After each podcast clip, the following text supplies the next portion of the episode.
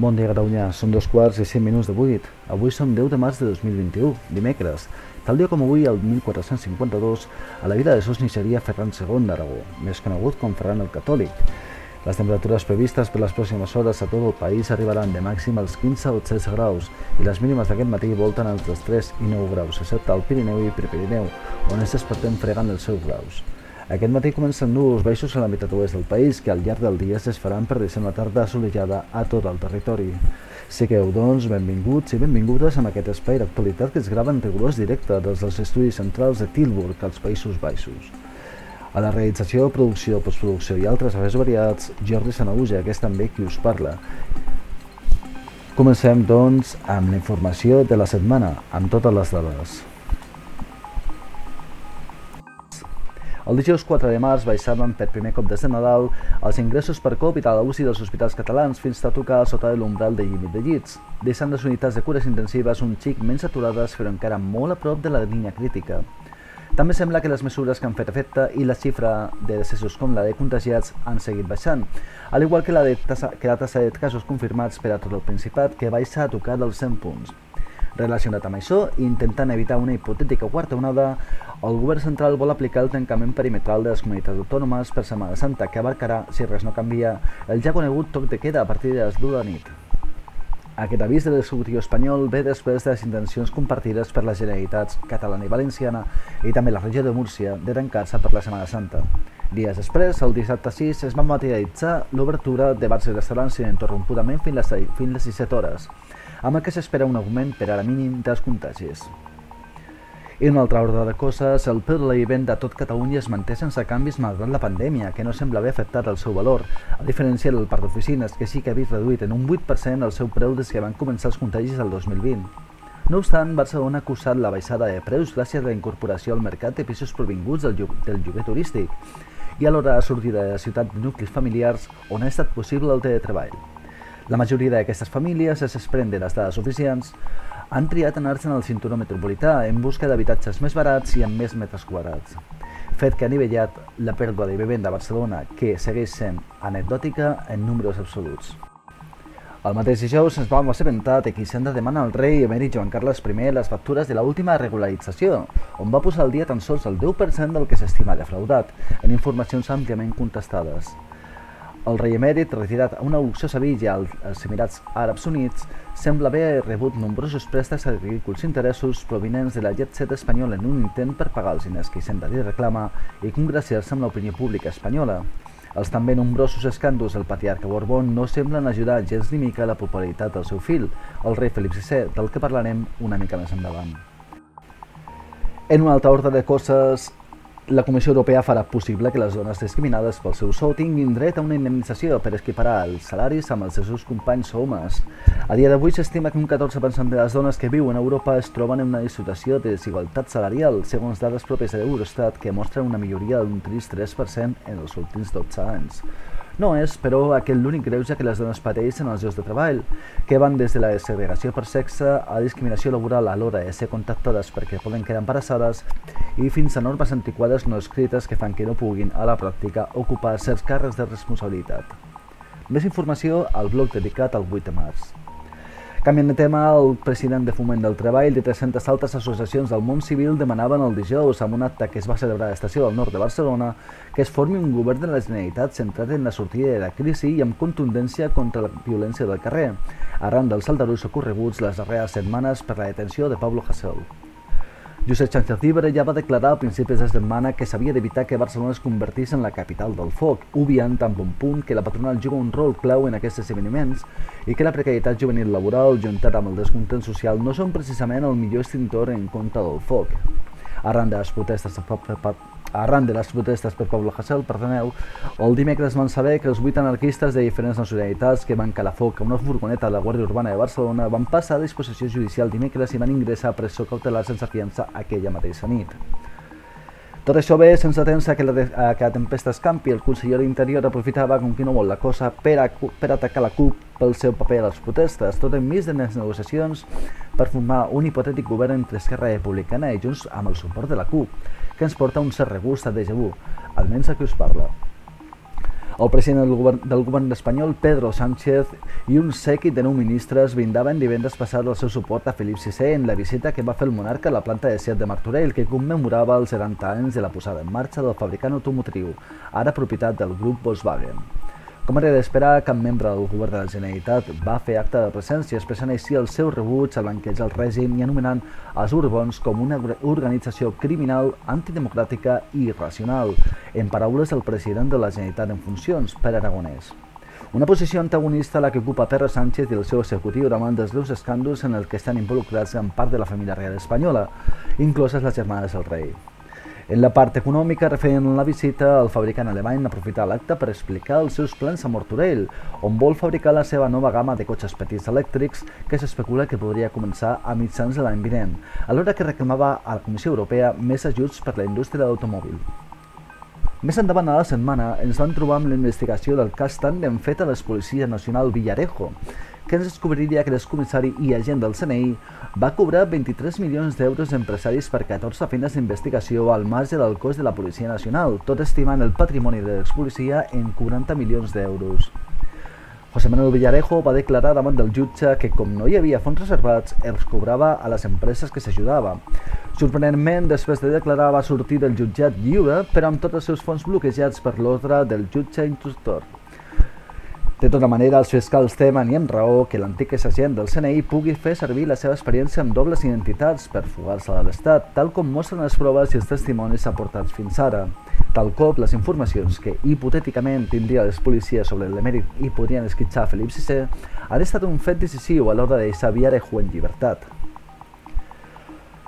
El dissabte 6, el diari El País obria la seva capçalera amb els altres papes de Luis Bárcenas, que assenyalarien presumpta i directament a la caixa del PP de Madrid, involucrant a la vegada a dos dels expresidents del partit a nivell regional, Esperanza Aguirre i Pío García Escudero. Les proves aportades per l'estessura del PP anirien des de donacions opaques d'empresaris fins a les de la pròpia COE, entre altres. La seva investigació involucra també a l'excomissari Viarejo, ja que Luis Bárcenas va confirmar davant del jutge que l'operatiu de l'operació Kitsen, capitanejat per l'exagent del CNI, li va robar documents incriminatoris i entre aquests documents es trobaria presumptament una gravació de Mariano Rajoy parlant de la Caixa B del Partit Popular. Sembla ser que finalment, un segle o altre, descobrirem qui era aquell tal J.M. Rajoy que figurava en aquell llibre de comptes, presumptament de comptes en diner negre.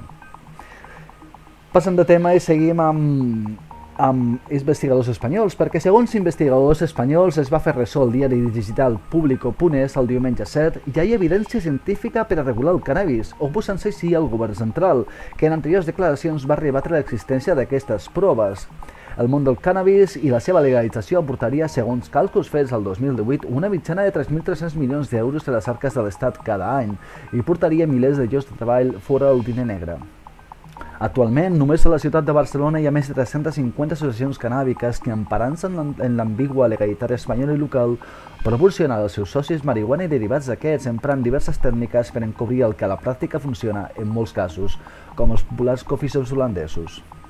Obrir el mercat suposaria desestigmatitzar els usuaris, en contrast amb el que trobem amb altres drogues legals com el tabac i l'alcohol, que junts maten anualment a més d'11 milions de persones a tot el món. Cal deixar present que a dia d'avui no s'han comptabilitzat mai cap cas de defunció pel consum de cannabis. Altres països com Canadà, els Estats Units, Holanda i Alemanya ja han decidit regular almenys l'ús terapèutic d'aquesta substància perquè consideren que sí que hi ha prou evidències científiques suficients per regular el seu ús. Els estudis en qüestió en el que es basa el gruix de la justificació per part dels científics espanyols són dos estudis que es, va, que es van realitzar independentment. Un va ser fet per l'Acadèmia Nacional de Ciències dels Estats Units el 2017 i l'altre va ser elaborat pel Ministeri de Sanitat canadenc el 2018. Dels dos estudis es pot extreure que hi ha i existeixen evidències concloents o substancials després d'analitzar profundament més de 10.700 publicacions científiques.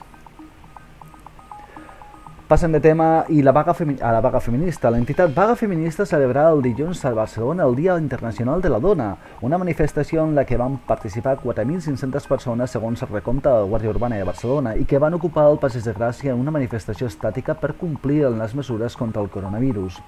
Diferents confrontacions arreu de l'Estat s'han celebrat en favor de l'igualtat de drets, en contra de la discriminació laboral i per la visibilització de les dones, entre altres reclames. Malauradament, a Madrid ciutat les protestes han estat tacades per l'acció de la policia que ha identificat diversos manifestants,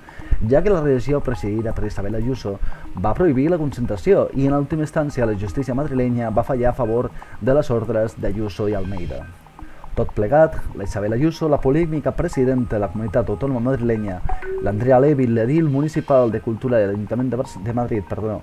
i per últim, la portaveu del grup de Ciutadans al Congrés, Inés Arrimadas, es situen a l'altra cara del feminisme que es va manifestar el dia 8 i que des dels, des dels mass media conservadors espanyols són anomenades les noves feministes liberals. Un feminisme de corta i rasga, que diria aquell. En el que respecta a la política catalana i en el futur de la Generalitat, tot sembla apuntar que repetirà un govern de coalició entre Esquerra i Junts, després de que finalment la setmana passada Esquerra aconseguís més pereses amb la candidatura d'Unitat Popular, la, la CUP. Tot això amb un PSC que va guanyar que va guanyar amb vots Esquerra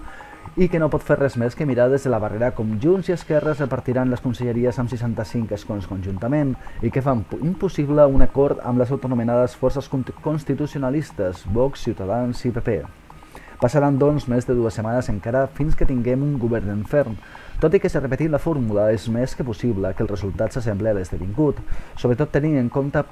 que per primer cop, des de 1934, un dirigent d'Esquerra Republicana molt possiblement torni a seure's a la butaca del president de la Generalitat.